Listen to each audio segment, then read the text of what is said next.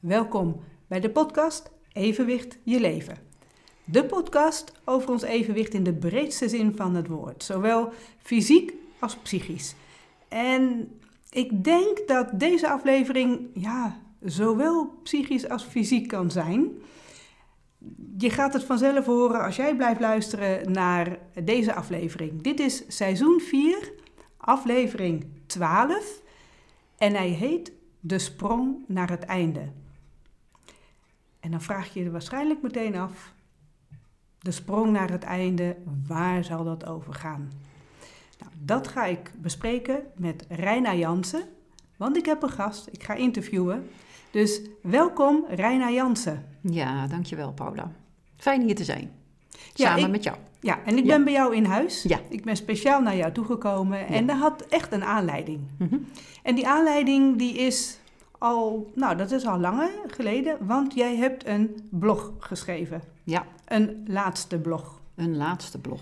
Nou is een laatste blog kan altijd hè. Ja, Iemand die met pensioen gaat, iemand die stopt met werken, iemand die zijn bedrijf niet meer verder wil voortzetten. Alleen er stond nog een titel bij. ja.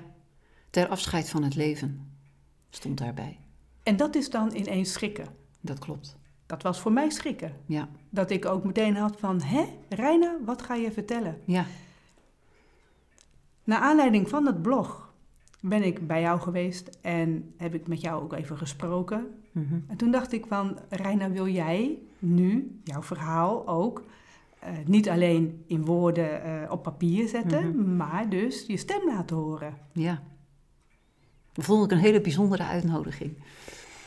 En ik neem hem met heel veel plezier aan. En vandaar dat we hier nu zitten dan samen. Daarom. Ja, En dan heb ik Ja. jou net ook gevraagd van, wil jij die brief die jij hebt geschreven, die laatste blog, ja, wil jij die gaan voorlezen? Mhm. Want ja, het heeft enorm veel indruk, in ieder geval op mij gemaakt. Ja. En ik denk ook op heel veel andere mensen.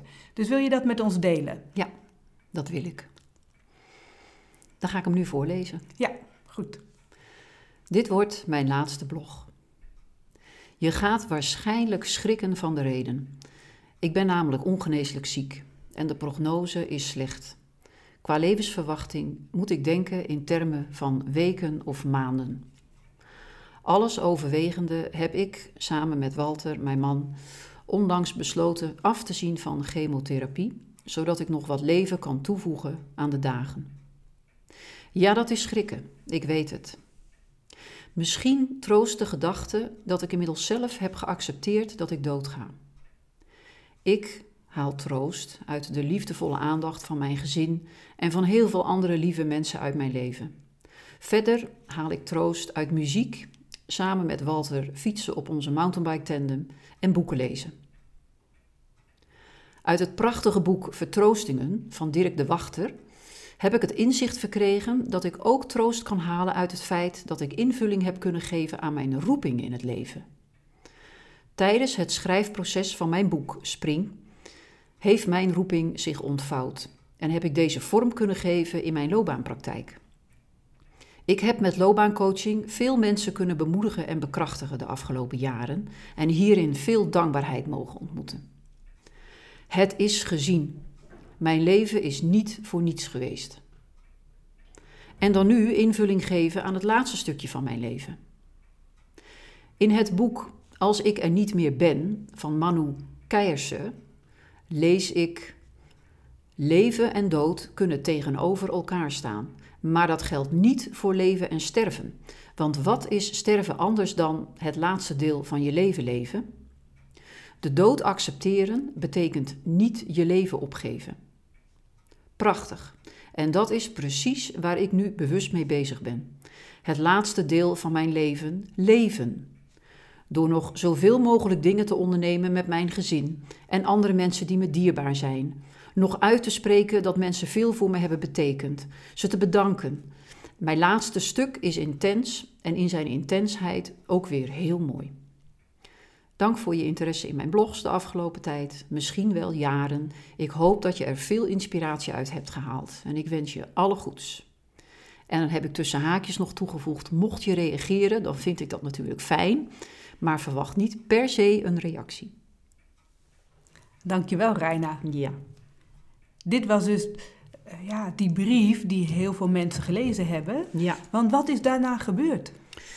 Ik heb meer dan 400 reacties ontvangen. Ik heb echt van mensen van langer geleden die ik ken, van korter geleden, van mensen die ik helemaal niet ken, nooit heb ontmoet. Uh, het heeft echt heel veel teweeggebracht. Uh, en dat had ik gewoon helemaal niet zien aankomen. Dat had je niet verwacht? Nee, nee, nee. Zoveel reacties had ik niet verwacht. Had ik niet verwacht. En, en welke reacties kreeg je dan? Nou ja, natuurlijk van mensen die me kennen, dat ze enorm geschrokken waren. Mm -hmm. uh, uh, ja, het is weet je, het kwam zo uit het niks, voor mijzelf ook, maar ook voor mensen die mij kennen. En ook als mensen me een beetje volgden via Facebook of zo, weet je. Ik was altijd nog aan het fietsen en aan het werken. En ja, dat dit mij zou gebeuren, ja, dat is een schok. Niet alleen voor mij, maar ook voor heel veel andere mensen uh, die, uh, ja, die me kennen en die, uh, die, me, ja, die me na zijn, zeg maar. Mm -hmm. Dus dat. Maar ook reacties als: Goh, wat dapper en wat moedig. En ook reacties dat ik mensen aan het nadenken heb gezet: van Goh, als mij dit nou zou gaan gebeuren, zeg maar. Zou ik dan ook zo'n keuze durven of willen maken? En ik had zelfs een reactie van iemand die zei: van nou begrijp ik mijn moeder pas. Die was boos geweest op zijn moeder, omdat hij eigenlijk voor hetzelfde had gekozen. Dus ook af had gezien van behandeling. En hij was daar boos over geweest. En hij mailde mij dus dat hij nu dus eigenlijk pas dat beter begreep waarom iemand zo'n keus uh, kan maken. Ja. En ik heb zelf ook de zin van uh, Manu Keijersen, dat hij zegt van uh, de dood accepteren betekent niet je leven opgeven. Mm -hmm. Dat vond ik ook zelf zo'n fijne zin om te lezen, omdat ik eigenlijk zelf vrij snel kon accepteren dat ik doodging. Uh, maar dat voelde tegelijkertijd dat ik dacht van ja, maar mag dat wel? Klopt dat wel? Want het lijkt dan haast alsof je uh, iets anders voorstaat dan degene die je heel erg naast staan. Die willen je namelijk zo lang mogelijk bij je mm -hmm. houden. En het lijkt net alsof ik accepteer dat ik doodga, alsof ik dat niet zou willen. Weet je, dat voelde bijna... Toen dacht ik van ja, maar mag dat wel? Kan dat wel? Uh, toen las ik die zin van Manu Keersen en die, die vond ik zo fijn om te lezen. De dood accepteren betekent niet je leven opgeven. Toen dacht ik nee, precies, precies dat is het. Ik kan het accepteren, maar tegelijkertijd geef ik mijn leven nog niet op. Nee, want zolang je er nog bent, exact. blijf je ook nog wel uh, actief. Blijf je nog ja. wel dingen doen voor zover dat mogelijk is. Ja. Want hoe gaat het op dit moment met jou? Nou, het gaat eigenlijk nog wel aardig goed, moet ik zeggen. Uh, ik heb in maart, eind maart, de diagnose uh, gekregen. Uitzaaiingen in mijn buik en het zag er niet goed uit. Ik heb 2,5 maand uh, onderzoek doorlopen in ziekenhuizen. Dat is vanaf maart dus geweest tot en met juni of zo? Dan ja, dus? tot begin juni inderdaad. Ja. Um, en uiteindelijk werd de, uh, de diagnose werd dus zeg maar agressieve kankercellen, uh, uitzaaiingen in een vergevorderd stadium en niet te genezen. In, uh, in deze ziektekanker heet dat fase 4. Um, ja, nou en ja. is dat de laatste fase? Ja, dat is de laatste. Ja, dat is eigenlijk de meest vergaande fase.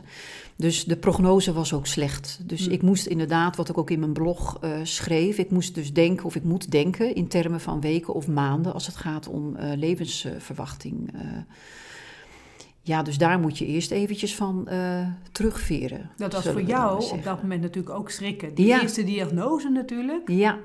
is ja. natuurlijk enorm geweest. Ja, dat, dat is heeft een... wel impact. Absoluut, absoluut. Ik zag het zo niet aankomen. Mhm. En dan al gelijk uh, deze slechte prognose ook, zeg maar. Uh, dus ook niet te genezen. Uh, nou ja, toen bleek uiteindelijk ook in alle onderzoeken... de bron is nooit gevonden. Dat schijnt vaker voor te komen. Maar dat maakte het ook lastiger om een behandelplan, zeg maar. Want dan willen ze eigenlijk weten waar de bron zit. Om toch te kunnen behandelen? Om toch te kunnen behandelen. Te weten welke behandeling het beste aan zou gaan sluiten. Hè? Want iedere kanker vraagt eigenlijk weer een, een eigen behandeling. Mm -hmm. Alleen mijn prognose, vanwege dat hij zo slecht was en ook uh, de kans dat het aan zou slaan, was 40 tot 50 procent. En als het zou aanslaan, dan zou het uh, levensverlengend zijn met enkele maanden. Heeft mij eigenlijk uh, vrij snel doen besluiten dat ik geen behandeling in wil gaan. In, eerlijk gezegd, ik heb de oncoloog aangehoord, anderhalf uur. Ze heeft heel veel tijd voor ons genomen. Ik ben daar heel dankbaar voor. Ik heb haar ook een kaart gestuurd en haar voor bedankt dat ze eerlijk is geweest. Maar ik had intuïtief het besluit al genomen. Van ik ga dit niet doen. Voor jezelf wist voor je mezelf. het al. Ja, voor mezelf wist ik het al. En je was samen met jouw man op dat gesprek. Ja. Wanneer heb jij eh, dat tegen die oncoloog gezegd? Nou, eigenlijk al tijdens het gesprek dat ik, dat, dat al eh, wel bij mij speelde, zeg maar, deze gedachte. Ik heb haar ook gevraagd, wat zou u doen in mijn situatie? Dat, Mm. dat vond ze natuurlijk een hele moeilijke vraag. En toen Zo. zei ze, ja, als arts wil je eigenlijk altijd maar één ding en dat is genezen. Mm. Dus je staat eigenlijk, eigenlijk gelijk in de stand van, eh, we moeten behandelen. Ja, dat was, vond, vond ik ook wel heel ja, mooi dat ze dat zo eerlijk zei. Maar ja, ze zei, als ik er wat langer over nadenk, kan ik het me ook wel weer voorstellen. Dat je toch zo'n besluit neemt zoals wij dat dus nu hebben genomen. Eh, Ja. En het voelt heel goed, Paula. ja. Klinkt misschien raar, maar het voelt echt als een goed besluit. Mhm. En sindsdien hebben wij als gezin zijnde en, en ook met vrienden en met familie... we hebben alweer zoveel dingen ondernomen. Wat ik niet meer had kunnen ondernemen, dat weet ik zeker... eh, als ik chemotherapie was gestart. Ja, want daar word je dan ziek van. Daar word ik ziek van. Ja, ik, ik behoor helaas tot 5% van de mensen die niet tegen een bepaald stofje kunnen in eh, chemo. Dus ik had eigenlijk ook wel de garantie dat ik ziek zou gaan worden van de chemo. eh. Mm. plus dat natuurlijk chemotherapie ook heel veel dingen kapot maakt in je lijf. En eh, al mijn organen zijn nog schoon.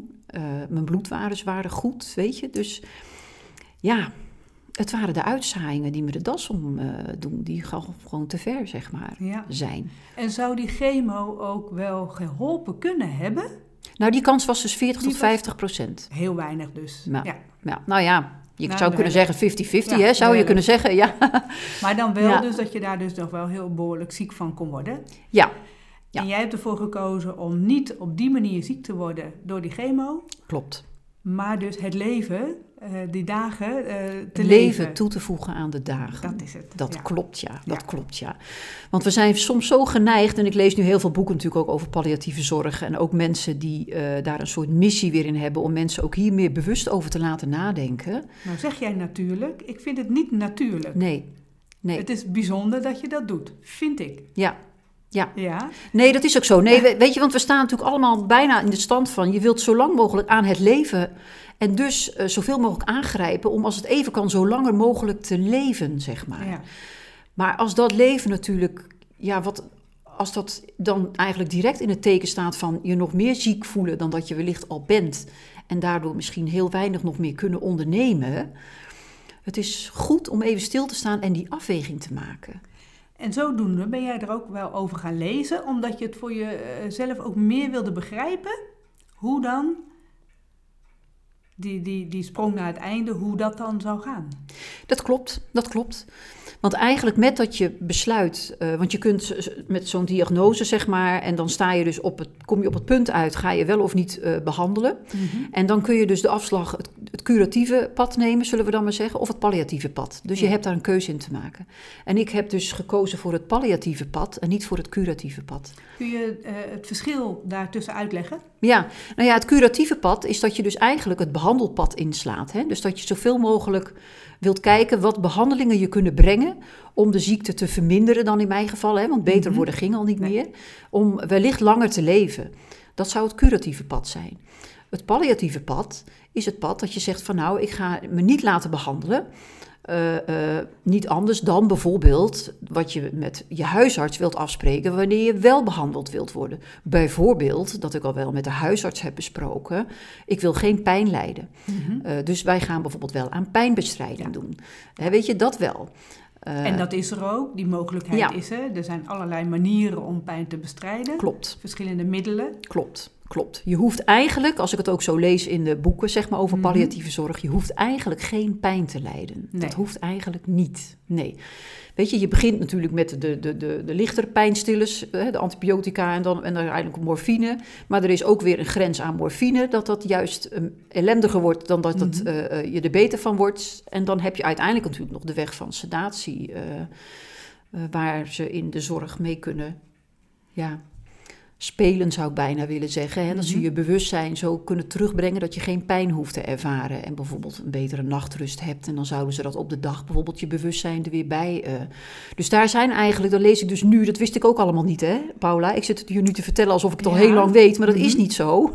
Nee, je bent er juist ingedoken. Je bent de boeken ingedoken klopt. om hier achter te komen van wat zijn dan wel de mogelijkheden en waar kan ik dan weer een keuze uit maken. Exact, exact. En dat is heel fijn eh, om nu kennis van te nemen. En er zijn dus mensen, artsen, die ook hier hun missie weer van hebben gemaakt. Dat mensen hier meer bewust, ook, ook als je nog gezond bent, eigenlijk al meer bewust bij stilstaat. Ja. Van wat zou je eigenlijk willen? Dus dat je een soort zorgplan hebt. Want ook in het geval, dat schrijven die artsen ook, ja, weet je, je rijdt tegen een boom en je raakt in coma, bij wijze van spreken. Wat had je gewild hè, Ja. met je leven? Wat had je gewild? En als het dan nergens staat en Exact. niemand weet dat, Nee. Dan ontstaat de strijd aan het bed hè, tussen Ja. familie. Zo van ja, maar ik vind dat de machines moeten blijven draaien. En de ander zegt van ja, maar dit is geen leven meer. En, maar wat had je zelf gewild? Ja. Ja. En dat is goed om eigenlijk over na te denken. Alleen dan vraag ik me ook af, voor het schrijven van dat blog, eigenlijk zelfs voor die diagnose, heb jij toen al over de dood gedacht? Heb jij toen al wel daar eens dat je erbij stilstond van stel dat het mij overkomt? Ja, ik ben eigenlijk al, dat klinkt misschien heel raar, maar al veel langer bezig met de dood. En eh, aan de ene kant dat ik daar een soort van interesse in had. Eh, eh, ik heb ook een aantal jaren in de palliatieve zorg, zeg maar, zelf gewerkt als vrijwilliger. Dus veel meegemaakt daar ook in? Ja, dus daarin ook gezien, zeg maar, wat mensen Mhm. dan doorleven qua proces. Ik ben ook uitvaartverzorger, dus Mm. daar zit ook al iets van een soort associatie van. Ik heb altijd wel gevoeld hoe dichter bij de dood, hoe dichter bij het echte leven. Dat heb ik altijd gevoeld. Mm. En daar ben ik graag. Ik wil natuurlijk niet het lijntje over dat ik zeg van, hè, dus begrijp me niet verkeerd, ik wil dood. Maar hoe dichter er tegenaan, hoe dichter bij het echte leven. Dat is altijd wat ik heb gevoeld. En ik ben heel graag bij daar waar het echt is. En daar dan dus tegenaan schuren. Dus ik denk vandaar ook wel mijn interesse in, eh, ja, in zeg maar ook een beetje de vakken en de beroepen eh, die daar omheen cirkelen. En Ja. wanneer eh, was het dan dat jij in die palliatieve zorg werkte? Is dat lang geleden? Ja, dat is al even geleden hoor. Dat is, eh, ja, wanneer was dat? Jeetje, ik denk ergens rond 2010 of zo, of 2009. Ja, dus dat is al wel een poosje geleden. Ja, Dat was Ja. nog voordat jij het boek Spring hebt geschreven. ja, ja. En uitvaartverzorger zijn dan? Ja, die opleiding heb ik in 2010 gedaan. Die heb ik in Ja. 2011 eh, afgerond. Eh, ik heb keurig stage gelopen bij Goed C. Dela in Rotterdam. En een eh, kleine uitvaartonderneming van drie vrouwen in Utrecht. Daar heb ik ook echt het verschil mogen ervaren tussen een grote uitvaartonderneming en de kleintjes, Ja. zeg maar. Ja. En het grappige was, Paula, ik was net aan die opleiding begonnen en toen kwam er een eerste vraag op mijn pad of ik in outplacement iets wilde betekenen. En outplacement houdt in en mensen die met gedwongen ontslag worden geconfronteerd, dat je die zeg maar begeleidt weer naar nieuw werk. Ik had tot dan toe nog nooit iets met outplacement gedaan. Ik vond het een hele mooie vraag. Ik heb ja gezegd. En heel snel dacht ik van, wow, wat vind ik dit mooi werk om te doen, zeg. En vrij snel zag ik het verband tussen uitvaart en outplacement. Ja, dat is wel heel grappig. In beide situaties is eigenlijk sprake van een ingrijpende gebeurtenis in een Mhm. mensenleven. Eh, de dood is ingrijpend, maar gedwongen ontslag is eigenlijk net zo ingrijpend. En in beide situaties is sprake van verlies. En in die omstandigheid iets betekenen voor mensen, kwam ik toen achter. Vind ik dus heel erg mooi om, eh, om te doen. En jij bent toen zelf wel in het diepe gesprongen om dus dan dus die outplacement te gaan doen. Terwijl Ja. je daar nog nooit in gewerkt had, geen opleiding, niks. Klopt, klopt. En dat is eigenlijk waar ik op pad eh, ben gaan bewandelen vanaf daar. En vanaf daar uiteindelijk dus in het schrijfproces van mijn boek ben uitgekomen. En vanaf daar weer ben gaan vormgeven aan mijn eigen loopbaanpraktijk. En mijn oude vak, mijn HR-vak, had los te laten. Want daar kwam je oorspronkelijk Daar kwam ik vandaan. oorspronkelijk vandaan, wat ik al meer dan twintig jaar deed. Hmm. Dus dat uitvaartvak heb ik me wel in laten opleiden, maar ik ben daar nooit echt in aan het werk gegaan. Nee. Ik zei altijd een beetje grappig zo van, nou is het vak met de langste adem, wat kan ik altijd nog gaan doen, zei ik altijd als Ja, een grapje. Maar, Ja. maar ik ben het nooit gaan doen. Nee. Want pas nadat ik dat was ingeslagen, toen zag ik wat ik echt had te doen. Zo. En dat had dus te maken met het vak wat ik nu doe. Ja. Ja. Want op een gegeven moment is dat coachingswerk is ook op jouw pad te komen, Ja. gekomen. Outplacement, dat is nog een groot begrip, maar dat kun je op een coachende manier Klopt. doen.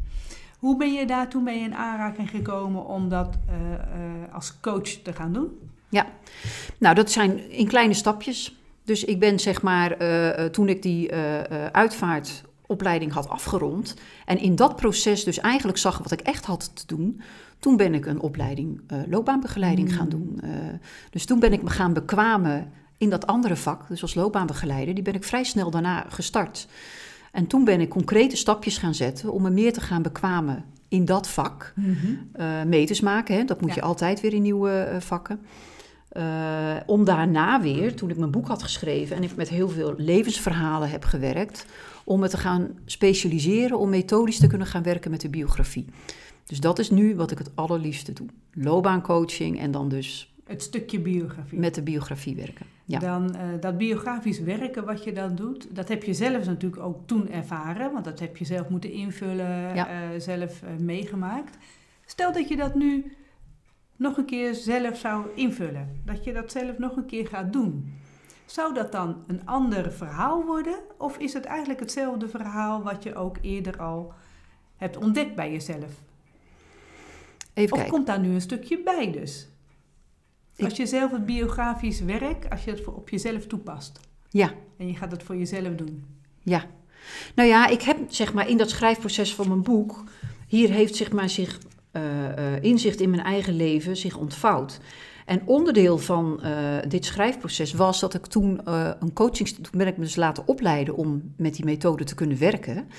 Ehm, en toen ben ik zelf gecoacht met die methode, zeg maar, Mhm. door mijn eigen opleider. Ja, En in dat gesprek zag ik wat ik aan het doen was en waar het mee te maken had. Dus toen viel voor mij, vielen voor mij de dingen zeg maar op zijn plek.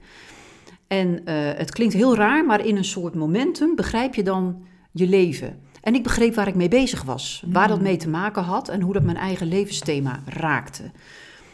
En dat is eigenlijk iets, je leven begrijpen, dat doe je volgens mij maar één keer. En dat gebeurde in dit proces. En zodra je je leven begrijpt, dan ben je een mens met een missie geworden. Dus hier zit een mens met een missie. Dus dan sta je eigenlijk weer aan het begin van een nieuw pad. En toen had ik dat nieuwe pad weer vorm te geven. En dat zat hem. en welk nieuw pad is dat toen geworden? Dat is dus het vormgeven van mijn loopbaanpraktijk. En ervaring opdoen met het werken met de biografie. Want dat is natuurlijk Mhm. onwijs spannend. Je bent dan wel opgeleid, maar je bent nog niet ervaren. Nee, dat weet je pas wanneer je dat met heel veel mensen dus gedaan hebt. Exact. Ja. Dan moet je weer meters maken. Ja. Je staat iedere keer weer aan het begin van een nieuw pad. En dat stond ik nu ook weer. Dus als jij nu voor jouzelf dat biografisch werk voor jouzelf gaat invullen, dat verhaal, daar komt een stukje bij. Ja, daar komt nu een soort eindevaluatie van mijn leven bij. Nou ik deze diagnose heb gekregen. Ja, Ja. daar heb je gelijk in. Dus er komt toch een stukje nog aan vast. Ja, En dat is dan naar die laatste sprong. dat klopt. Ja. Dat klopt. Dat is leuk dat je dat zegt. Want in dit boek beschrijf ik eigenlijk... eh, het springmodel is het hart van mijn boek. En dat gaat Mhm. over loslaten. En ik beschrijf hierin eigenlijk hoe loslaten... wat de functie van loslaten is in ons leven. Namelijk dat je steeds dichter bij je eigen kern komt. Weer steeds dichter bij je eigen zelf. En in dit hele proces eh, beschrijf ik hoe ik vijf keer in het leven heb losgelaten. Om, eh, en, en het laatste loslaten zat dus in dit proces zelf. Dus mijn vak, wat ik al meer dan 25 jaar deed. En ook de manier waarop ik werkte. Ik heb dat heel zwaar en moeilijk gevonden. Maar ik denk zelf, dat is mijn theorie. eh, doordat ik deze vijf keer in het leven heb kunnen loslaten. Dat ik wellicht ook nu om die reden het leven zelf ook wat makkelijker kan loslaten. Want dat is natuurlijk waar ik nu voor sta. En is dat dus dan de laatste sprong? Dat is de laatste, jou? ja, dat is de finale. Vanuit jouw eigen model al gezien, is dat de laatste sprong die jij nu gaat maken? Ja, dit is eigenlijk de finale sprong. Dat is, eerder is het binnen het leven loslaten. Mhm. En nu is het het loslaten van het leven Van het zelf. leven zelf. Ja. Dat is het, bijna het soort ultieme loslaten. ja. Ja. En het rare is, nou het is niet raar. Eh, ik heb zeg maar eerder dat loslaten eh, ervaren als dat je je eigenlijk overgeeft aan het leven. Mhm. eh, zonder dat je weet wat er daarna gebeurt. Dat maakt het ook zo spannend, Ja. omdat je niet weet wat daarna. Dat en is toch doe je het. En, en- toch doe ja. je het, toch laat je los. En je Ja. gaat in dat niet weten, ga je dus Ja. verder. Klopt, dat is eigenlijk het springen. En dat vraagt dus onwijs veel moed. Juist omdat je het niet weet, Mhm. wil de angst je eigenlijk terugtrekken om te gaan springen. Ja. Maar als je het dan toch doet, dan ga je daarna ervaren Je gaat en nieuwe inzichten opdoen en dat het je juist goed doet, zeg maar. Eh, alleen, dat moet je wel ervaren. Als je je door de angst laat terughouden, ga je het nooit voelen. Nee. En ga je het ook nooit ervaren. Dus dat is hoe ik loslaten die vijf keer in het leven heb ervaren. Je geeft je over aan het leven zonder te weten wat daarna. En onbewust weet je dat het goed is. Ja, dat kan je haast niet. Onbewust weet je het. Je, je onderbewustzijn weet het wel. En deze finale sprong gaat niet langer over overgeven aan het leven, maar overgeven aan de dood. Dat is eigenlijk je finale sprong te maken. Ja. Ik heb mij nu over te geven aan de dood. En met dat ik die dood kan accepteren, voel ik ook dat ik mij kan overgeven aan de dood, zonder te weten wat daarna. En eigenlijk ook wel onbewust wetend dat het wel weer goed komt. Ook dat weer, hè? Ja, Ja. Dus een vertrouwen in hebben, dat komt goed. ja, Ja. Wat er ook daarna komt. exact. En dat weten we echt niet, want Dat weten we we niet. ook echt niet. Nee, nee, ik heb nog nooit iemand ontmoet zeg maar, die mij dat Nee. kon vertellen. Nee, nee. Nee, soms willen we het allemaal wel graag weten of, of we willen er zelf een invulling aan geven. Als dat je houvast kan geven, dan moet je dat ook zeker doen, zeg maar. Maar we weten het natuurlijk niet Nee. echt. Nee, nee. Dat is echt wat je dan pas op dat moment weet als je zover Ja. bent. Exact, exact, ja. Daar ben jij nu nog niet. Nee, dat ben ik nog niet. Nee, nee. Want dat was ook wel eh, bijzonder ook in het eh, verhaal dat eh, ik heb jou een brief geschreven naar aanleiding van jouw blog, Ja, waar we het begin nu van deze aflevering mee begonnen. En eh, toen heb jij mij gemaild zo van, eh, maar ik ben er nog, kom je een kop koffie drinken? ja, Dus dat al van, ik ben er nog. ja. En dat gaf al zoveel aan, zo van, oh, maar je wil nog steeds wel contact met mensen, je wil dat nog wel. Wacht even op de klok. Ja, Ja, dat, is mijn, dat is mijn beppe. Ja, die doet die doet ook altijd even mee. ja. En we zitten ook gewoon in jouw huis, dus Ja. dat mag. Ja, Ja. Maar dat, toen dacht ik van, dat grijp ik aan. Ik kom bij jou koffie drinken. En eh, vandaar ook dat wij nu hier zitten. Dus, eh, want dat vond ik nog wel weer toch wel spannend om jou te vragen. Durf jij je stem te laten horen om dit verhaal te vertellen? Ja. Dit, heb jij, dit heb jij verteld bij mij gewoon aan het kopje koffie, met z'n tweeën in een veilige setting, ja, in de huiskamer. Durf jij dit naar buiten te brengen? ja, ja. Ja, ik heb, ik heb je uitnodiging heel graag eh, aangegrepen. Ja, omdat ik het ter inspiratie heel graag wil vertellen. En het is mijn kijk op de zaken. Hè? Mhm. Dus eh, iedereen ervaart het misschien anders. Hè? Dus voel je vrij om hier weer compleet anders over te denken. Maar zo is hoe ik het heb ervaren. Mhm. Ehm, en, eh, en waar ik me dus in loopbaancoaching mensen ook toe uitdaag om dat loslaten, die kleine stapjes, om die in het leven al te nemen. En die groei, zeg maar, in, die, ja, dat, die helpt, die helpt. Ja, want dan zeg je ook, eh, we hebben deze aflevering genoemd de sprong naar het einde. Ja, Een sprong, eh, een sprong is best groot. Nou denk ik dat het niet over één grote sprong gaat. Nee. Het is niet van het een op het ander. Er zijn mensen waarbij dat wel overkomt, hè? die van het ene moment op het andere moment ook nou ja, letterlijk dood neervallen. Ja. Voor jou heb jij tijd om hiermee bezig te zijn. Maar dan zijn het eigenlijk sprongetjes die je gaat maken. ja. Binnen die grote sprong heb je kleine stapjes te zetten. Ja, dat klopt, dat klopt. Het is eigenlijk voortdurend schakelen tussen die grote sprong, die nog wat verder in de tijd ligt, zonder dat ik weet waar die precies ligt. Dat weet natuurlijk niemand, Nee, eh, weet je. Maar als je zo'n diagnose hebt gekregen, dan weet je eigenlijk wel dat die dichterbij ligt Ja. dan gemiddeld, zeg maar, eh, je zou aannemen. Eh, dus daar ben je mee bezig. Maar tegelijkertijd is het ook iedere dag weer schakelen tussen, tussen morgen gewoon. Ook gewoon morgen. ja. Ik word iedere ochtend nu wakker en dan denk ik van eh, welke afslag neem ik? Ga ik nou wachten totdat de pijn komt en tot ik doodga? Of neem ik de afslag, wacht even, ik leef nog en wat ga ik doen met mijn leven? Eh, tot nu toe neem ik nog iedere keer de tweede afslag. Maar het is nu wel eh, anders leven. En ook hoe ga ik daar nou invulling aan geven? Als bijvoorbeeld mijn werk is eigenlijk, hè, dat, dat was vijf maanden lang weggevallen. Mhm. Eh, eh, en met het besef wat je gebeurt, dat, dat doet natuurlijk ook enorm veel. Niet alleen met mij, maar ook met mijn gezin. En welke keuzes maken we nu als gezin? Wat vinden we nu samen ook belangrijk? Wat willen we nog ondernemen? Dat zijn allemaal dingen die veel meer vooraan nu komen te liggen. Eh, en waar we dus nu ook keuzes in maken. En ook andere dingen die je dus dan, je hebt al gezegd, je eigen praktijk, die heb je stopgezet. Ja, ik durf geen commerciële trajecten meer te doen, Nee. want ik weet niet meer wat ik nog kan waarmaken. Dus daar heb je eigenlijk al afscheid van genomen. hè? Ja, En zo zijn er natuurlijk wel verschillende dingen waar je afscheid van neemt. Dingen die je ook Ja. niet meer eh, wil doen, eh, hoeft te doen. Zeker. Eh, zeker. Ja, dat is, dat is eigenlijk, je voelt heel snel wat er toe doet en wie er toe doet. En wat er niet meer toe doet, dat valt over het randje en daar investeer je ook niet meer in. Eh, en dat, dat selecteert zich heel snel op de een of Mm. andere gekke manier. eh. dus eh, contacten met mijn zussen is ineens geïntensiveerd, zeg maar. Maar ook met hele na, met mijn vrienden, zeg maar. Ja, waar we nu ineens veel meer dingen mee ondernemen. Het heeft bij heel veel mensen ook een soort bewustwordingseffect gehad. Zo van, jeetje zeg, dit kan zomaar, hè? mhm. Ik hoor zoveel mensen die een bakje koffie bij me komen doen, zeg maar. En dan zeggen van, ja, we hebben het vaak over je. Want dan zeg ik, jeetje, het kan ook zomaar anders, Ja. hè?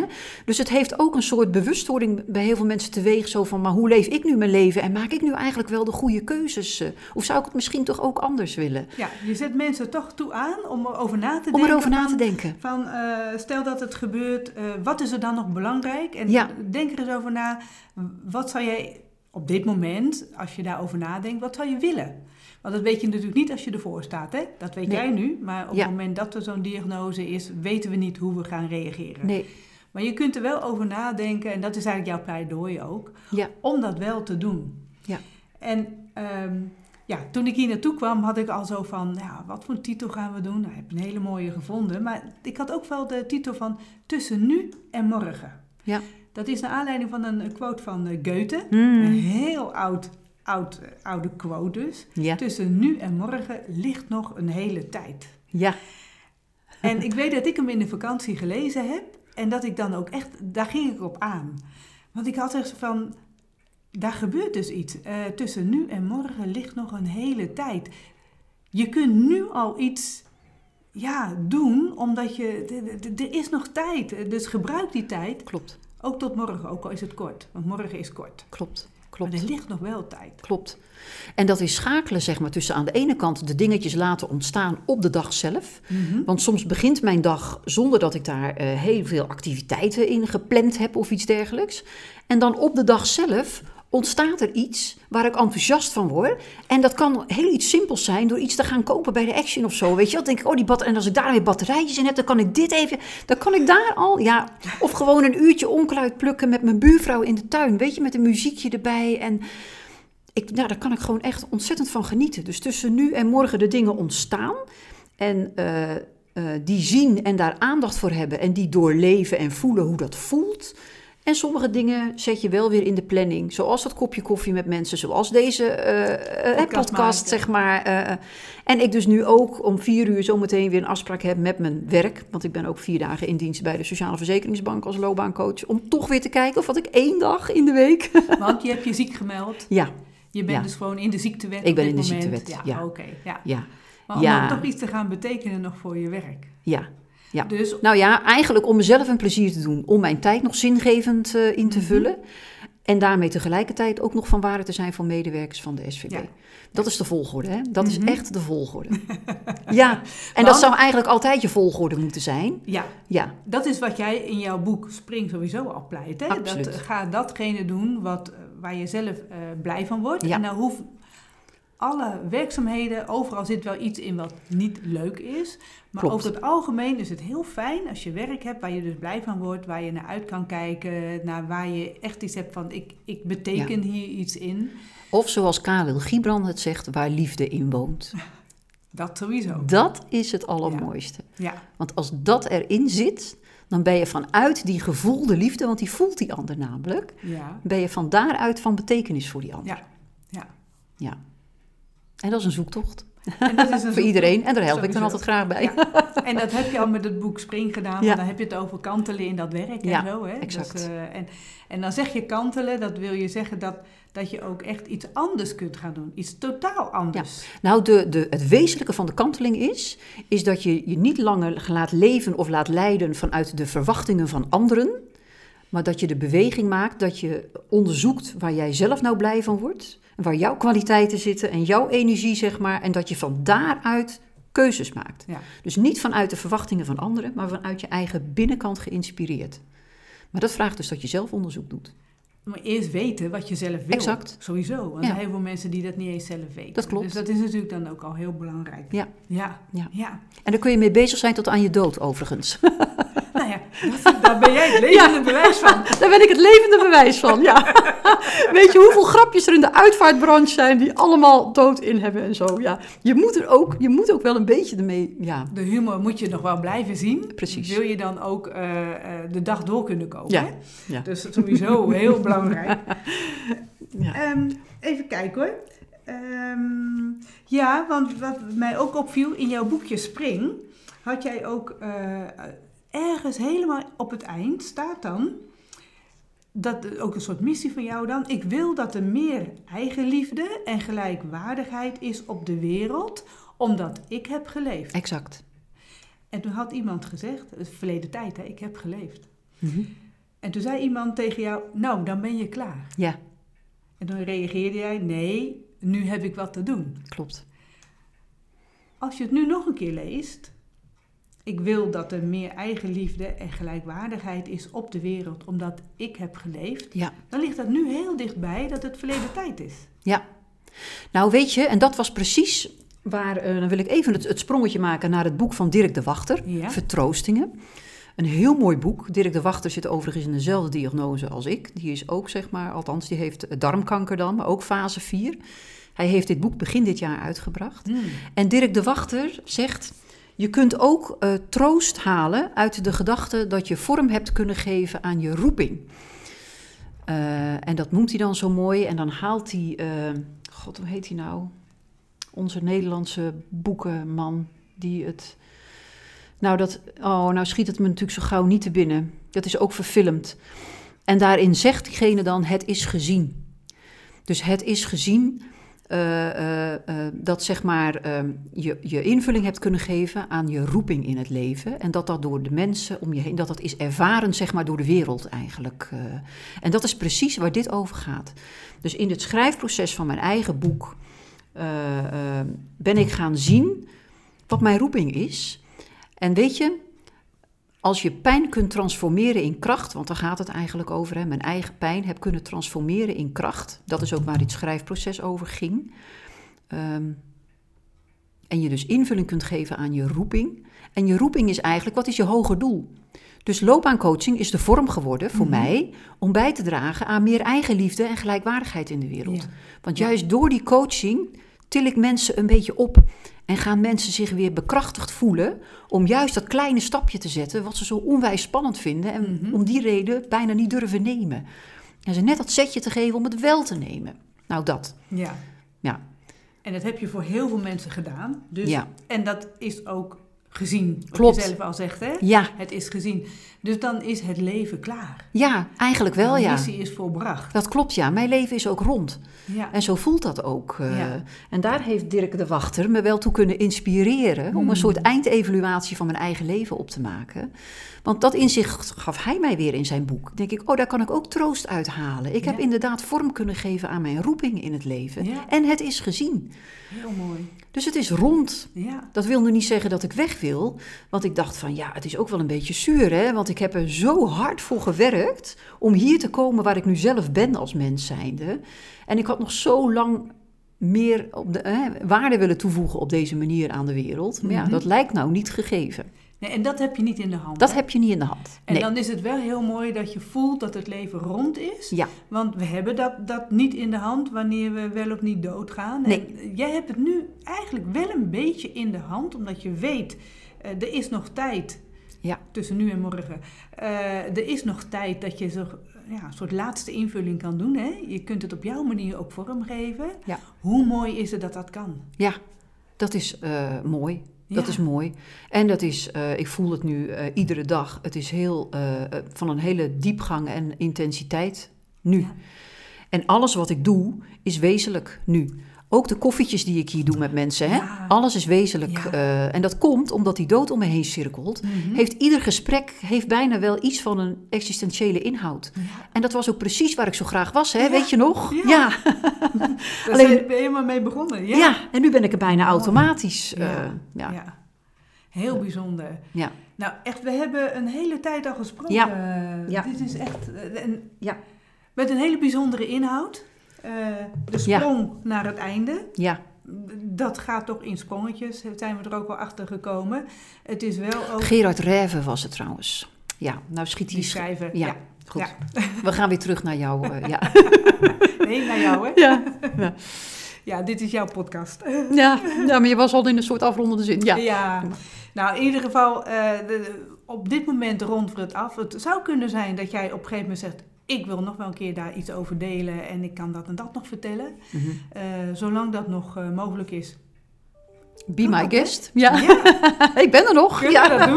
Ja, dat in ieder geval.